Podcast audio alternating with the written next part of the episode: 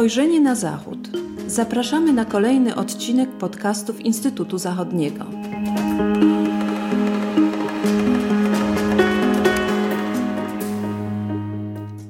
Dzień dobry, z tej strony Agata Kałabunowska. Witam Państwa w kolejnym odcinku podcastów Instytutu Zachodniego.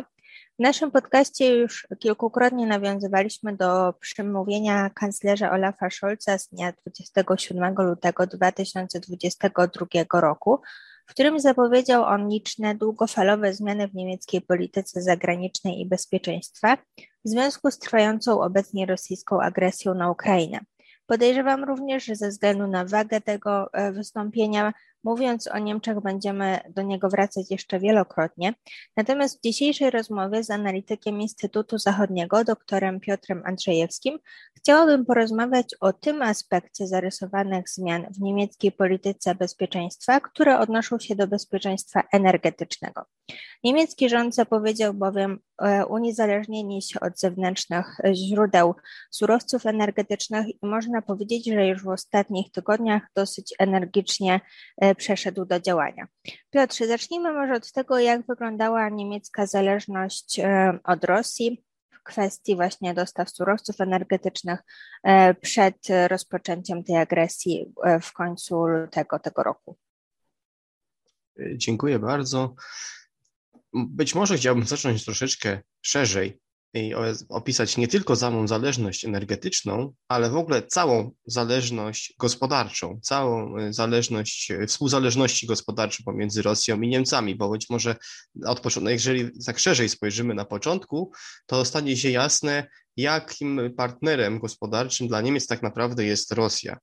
Nie jest tajemnicą, że zarówno politycy, jak i prezesi wielkich firm i niemieckich korporacji zawsze uważali Rosję za ważnego i znaczącego partnera gospodarczego, y, który, y, i który jest bardzo perspektywiczny, którego rynek jest perspektywiczny do rozwoju i co za tym idzie, jest to rynek, w którym należy inwestować najlepiej jak najwięcej.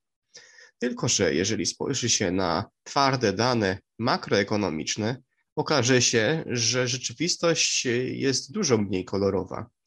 Po pierwsze, Rosja nie jest wcale znaczącym partnerem handlowym dla Niemiec. Znaczy nie była przed, nie była przed y, y, inwazją 24 lutego, a teraz to się jeszcze będzie zmniejszać. Sama Rosja odpowiadała za 2,3% wymiany handlowej y, z, z Niemcami, czyli relatywnie niedużo. Jest to trzykrotnie mniej niż Polska, która ma z kolei trzykrotnie mniejszą gospodarkę niż rosyjska. Drugą kwestią jest fakt tych, tych niemieckich inwestycji e, w Rosji. Otóż od 2012 roku e, liczba niemieckich firm operujących w Rosji sukcesywnie spadała. I to jeszcze przed nałożeniem pierwszych sankcji za aneksję Krymu i wywołanie wojny w Donbasie i Ługańsku w 2014 roku. Z 6 tysięcy firm w 2012 roku, w 2000, na początku 2020 w Rosji operowało troszeczkę ponad 3000, czyli mamy spadek o prawie 50%. Tak właśnie w realu, w rzeczywistości wyglądał, e, wyglądał ten perspektywiczny rosyjski rynek. E, to jest problem wewnętrzny Rosji, bo po prostu, po prostu zdolności nabywcze przeciętnego rosyjskiego konsumenta spadały przez te lata co oznaczało, że, że rosyjski konsument, rosyjskie gospodarstwa domowe korzystały mniej z tych y, niemieckich usług i firm, które operowały. Jedynie dobrze miały się duże niemieckie korporacje, y, które mogły liczyć na państwowe zamówienia albo, albo po prostu samą swoją y, masą mogły generować zyski. Dlatego też nie dziwi fakt, że właśnie ci prezesi dużych korporacji pozytywnie wypowiadali się o Rosji. Natomiast jeżeli chodzi o rynek gazu, tutaj sytuacja wygląda troszeczkę, y, o rynek energetyczny, importu energii, y, sytuacja wygląda trochę inaczej.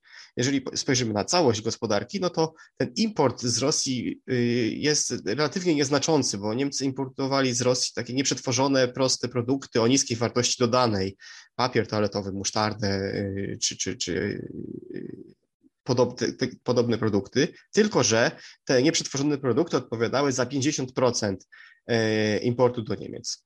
Drugie 50% To są już węglowodory, to już są, to już jest import surowców energetycznych, węgla, ropy i gazu. I oczywiście nie jest to zapewne zaskoczeniem, największym, największym problemem jest gaz, od którego, który jest tym najbardziej znaczącym, czy najbardziej znaczącym y, eksportem Rosji do Niemiec. Y, Niemcy, aż 55% gazu importowanego do Niemiec pochodziło z Rosji, czyli ponad, poło, ponad połowa wykorzystywanego gazu. Przy czym, przy czym trzeba zaznaczyć też, że 50% domów w Niemczech jest ogrzewanych gazem. I to właśnie nawet nie samo zużycie gazu w przemyśle czy w produkcji prądu, energii elektrycznej jest problemem. Problemem jest e, ciepłownictwo i ogrzewanie. Tutaj jest e, ten największy, największy problem. Natomiast jeżeli chodzi o ropę, no to mamy tutaj 40, 35% do 45% w zależności, w zależności od tego, jak następowało wahnięcie. Tak, to dotyczy zarówno węgla, jak i importu ropy. Także w ogólnym E, jeżeli w ogólnym takim szerszym y, spojrzeniu, rosyjski, rosyjska wymiana handlowa z Niemcami nie była aż taka znacząca, natomiast sektorowo w dziedzinie energii należy y, powiedzieć, że jest to Rosja była przynajmniej ważnym, ważnym partnerem dla Niemiec. Jakie są teraz scenariusze odejścia od e, tych dostaw e, właśnie z tego jednego źródła, które okazało się być raczej e, obciążające w obecnej sytuacji? Jak przebiegają te rozmowy? Wiemy, że tutaj zarówno minister Habeck, minister Lindner, jak i sam Olaf Scholz już wielu wywiadów na ten temat udzielili, w wielu miejscach się pokazali, gdzie byli pytani o te różne scenariusze. Na jakim etapie teraz jesteśmy, co jest brane pod uwagę i czy to jest w ogóle realne, żeby Niemcy uniezależniły się od tych dostaw przede wszystkim gazu, o którym wspomniałeś?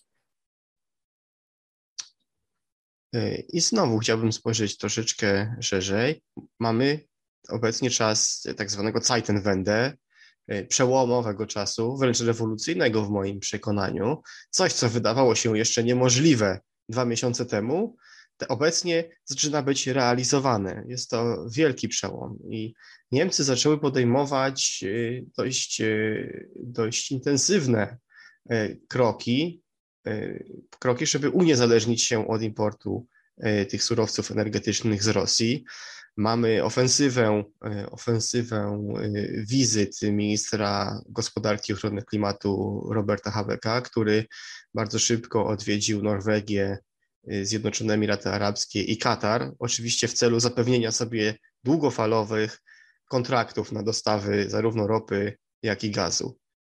Pytanie jest takie, jakie Niemcy mają y, zdolności, zdolności takie infrastrukturalne także, żeby się od, od tego rosyjskiego gazu, ropy i węgla odciąć.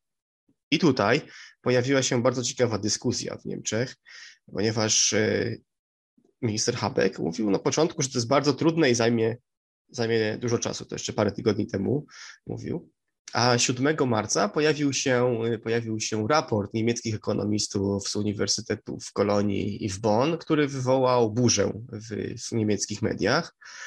E, otóż e, ci, ten zespół, zespół ekonomistów z dwóch uniwersytetów uważa, że Niemcy mogą praktycznie natychmiastowo zrezygnować z importu ropy i węgla i zastąpić go, go zakupami z innych źródeł, na przykład węgla z Australii czy ropy ze wspomnianych, wspomnianych Emiratów Arabskich czy Kataru.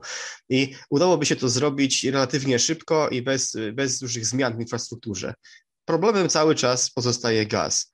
Widać, że polityka ostatnich dekad y, stawiania tylko i wyłącznie na jednego, y, jednego import, na jeden kierunek importu gazu no stał, się, stał się problematyczny. Była to inwestycja ryzykowna, no i teraz y, za to ryzyko trzeba zapłacić, które się podjęło. Przeryzykowano po prostu.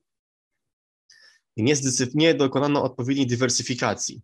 W styczniu tego roku ukazał się wywiad z prezesem Y, grupy energetycznej RWE, to jest największy, naj, największa firma energetyczna w Niemczech, w której Kreber jasno mówił, że jego korporacja, jego firma była zainteresowana budową gazoportu. żeby sprowadzać skroplony gaz do Niemiec, ponieważ byłaby to inwestycja rynkowo opłacalna. Natomiast do tak dużej infrastrukturalnej, do, taki, do, do tak dużego infrastrukturalnego przedsięwzięcia potrzebna jest także wola polityczna, której Kreber nie znalazł. Wskazał palcem jednoznacznie e, na, na czynnik polityczny jako ten winny, e, winny braku dywersyfikacji. I, I teraz, y, jak oceniają możliwości odejścia od rosyjskiego gazu ekonomiści? E, mówiłem, że mamy 55% gazu importowanego do Niemiec z Rosji. Obecnie, już teraz, E, ten import spadł do 40% ze względu na różne zawirowania, rezygnacji poszczególnych podmiotów, takie, takie e, e, osobiste sankcje poszczególnych podmiotów gospodarczych, niezależnych jakby od, od, od działań rządowych. Mamy już ten spadek i e, idąc tym tropem, idąc tym tropem, ekonomiści uważają, że da się zastąpić z tych 55%, 25% można odciąć od razu. 5% można zastąpić importem y, z innych źródeł, z Norwegii głównie, y, czy z Holandii.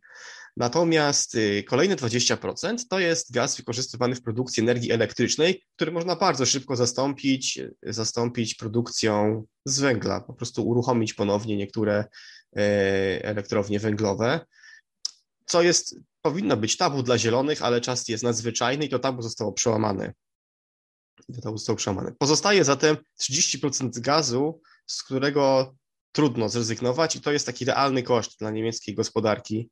E, jeżeli nastąpiłoby embargo, czy ze strony rosyjskiej zatrzymanie dostaw, oznaczałoby to około e, spadek dla Niemiec około 3% PKB oraz oczywiście wzrost cen energii i zwiększoną inflację. No i teraz mamy tą dyskusję. Pojawia się y, oczywiście minister Habeck y, został ostrzelany przez media y, pytaniami, jak to, jak, że wcześniej mówił, że to jest niemożliwe, żeby tak szybko zrezygnować albo zredukować tą zależność rosyjskiego gazu. I Trzeba też powiedzieć, że Habeck troszeczkę straszył niemieckie społeczeństwo, mówiąc o tym, że spadek PKB wyniesie więcej niż 5% i że to będzie większa trudność gospodarcza niż w czasie kryzysu ekonomicznego wywołaną pandemią COVID-19.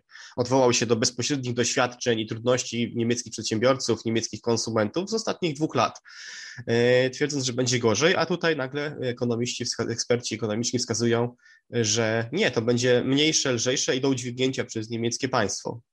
Tylko, że, tylko, że y, nie ma co do, zgody co do, y, co do realnych skutków szybkiej rezygnacji z rosyjskiego gazu, y, ponieważ pojawiły się także kontrekspertyzy, na przykład z Instytutu Makronomii, Makroekonomii i Cyklu Koniunkturalnego z Berlina, gdzie, gdzie inni, inni eksperci skrytykowali ten pierwszy raport, twierdząc, że nie docenia on ekonomicznych i społecznych skutków krótkoterminowego wstrzymania dostaw i e, wskazali też, że, że ten pierwotny raport um, pominął całkowicie wystąpienie takich efektów kaskadowych e, w gospodarce, to znaczy na zasadzie naczyń połączonych, e, wyłączenie, wyłączenie rosyjskiego gazu spowodowałoby zatrzymanie pracy jednego przedsiębiorstwa, które produkowało dla przedsiębiorstwa drugiego, a to z kolei dla trzeciego jakieś komponenty i wywołałoby to znacznie większe trudności gospodarcze niż wskazywał ten pierwszy ten pierwszy raport.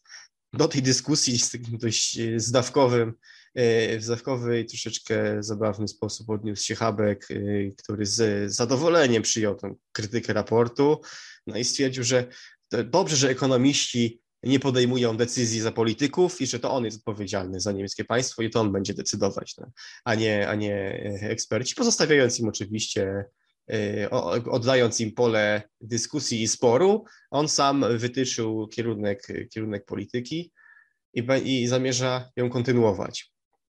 I wydaje, wydaje mi się, że to jest może dobry moment, żeby powiedzieć y, jeszcze, jakie plany ma Habek, jakie plany ma Habek y, na, na rezygnację z tego rosyjskiego gazu.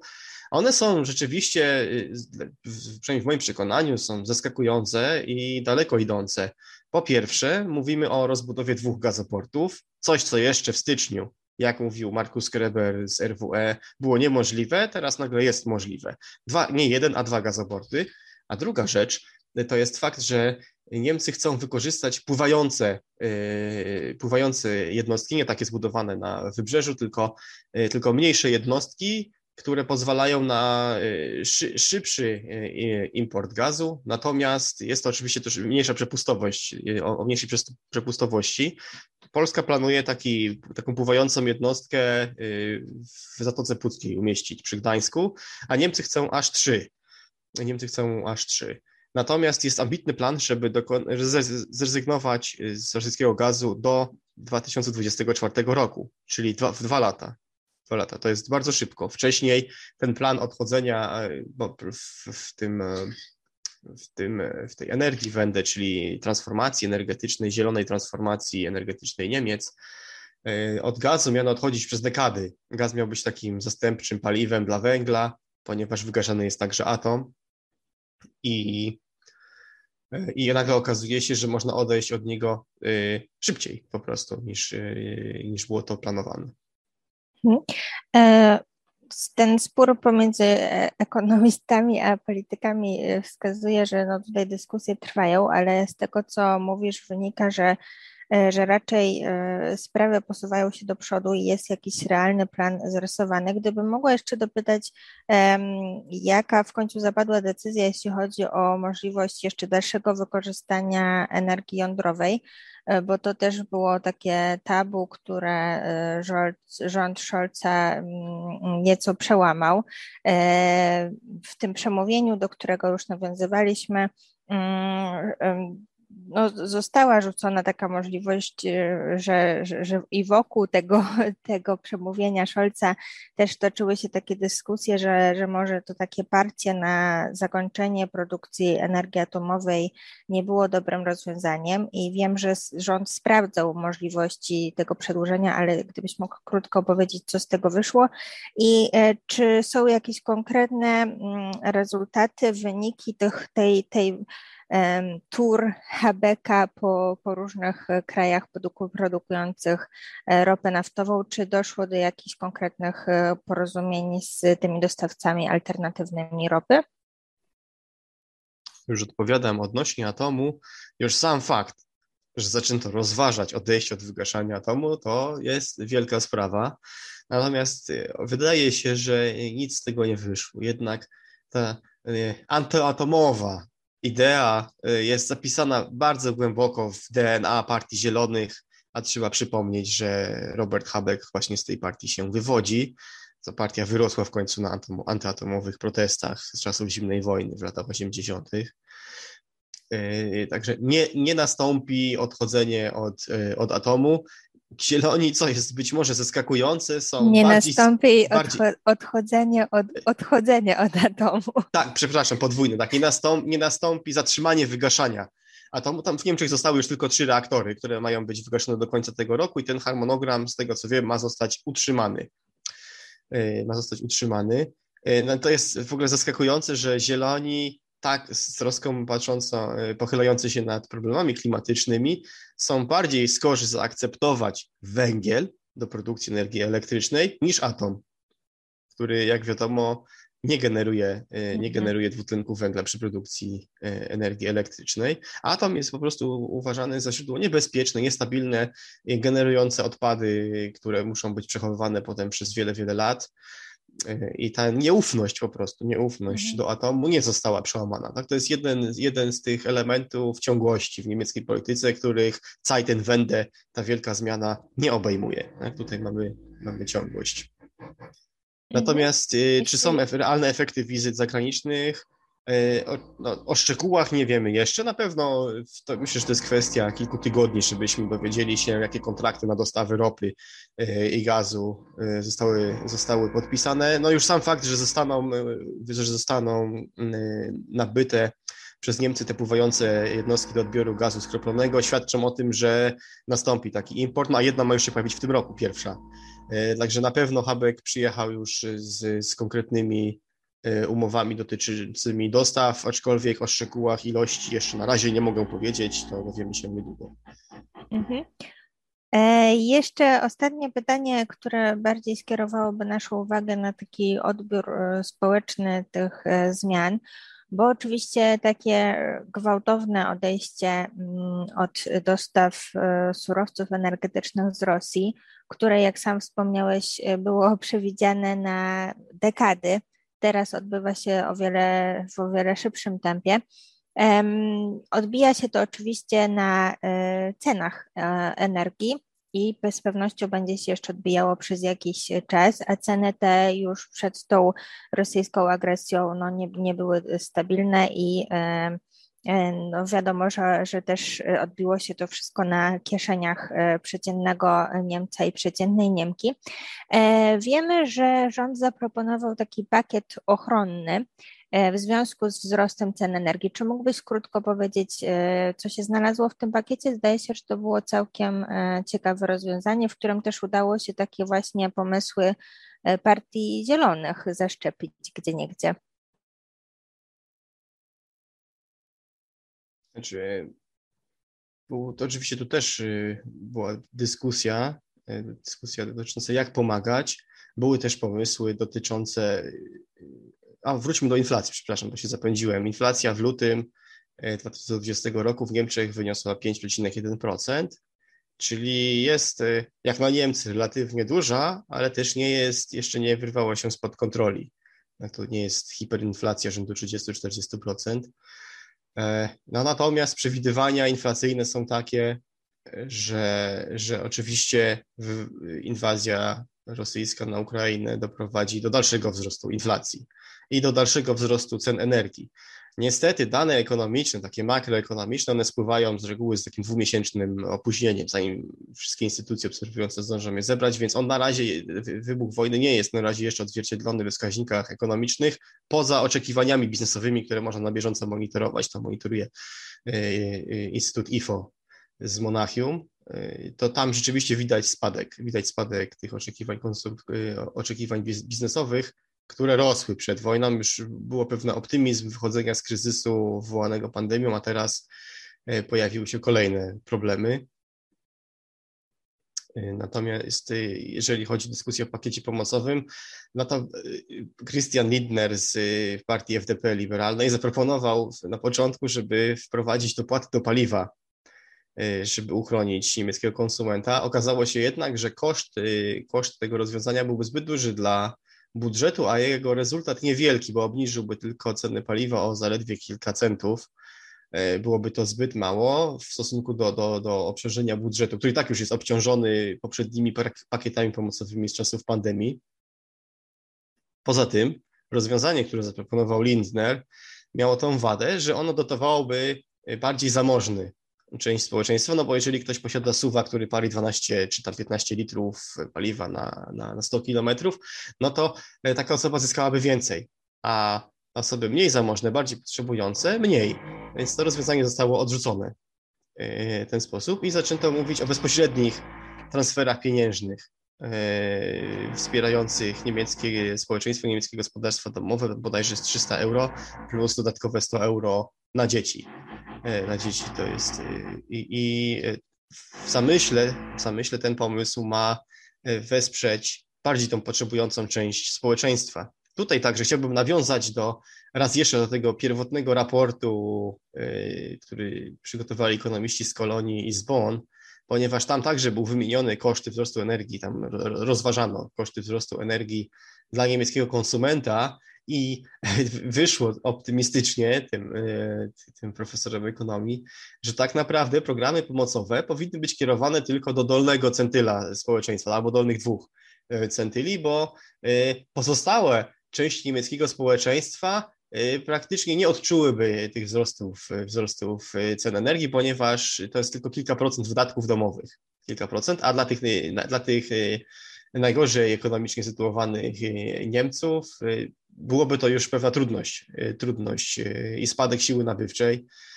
Dlatego stwierdzili oni, że tą pomoc należy ukierunkować tylko właśnie ukierunkować tylko dla, dla bardziej potrzebującej części społeczeństwa. Bardzo Ci dziękuję, Piotrze, za rozmowę. Państwu serdecznie dziękujemy za uwagę i zapraszamy do słuchania kolejnych odcinków podcastów Instytutu Zachodniego. Aby żadnego z nich nie przegapić, zachęcamy do subskrypcji naszych kanałów. Do usłyszenia.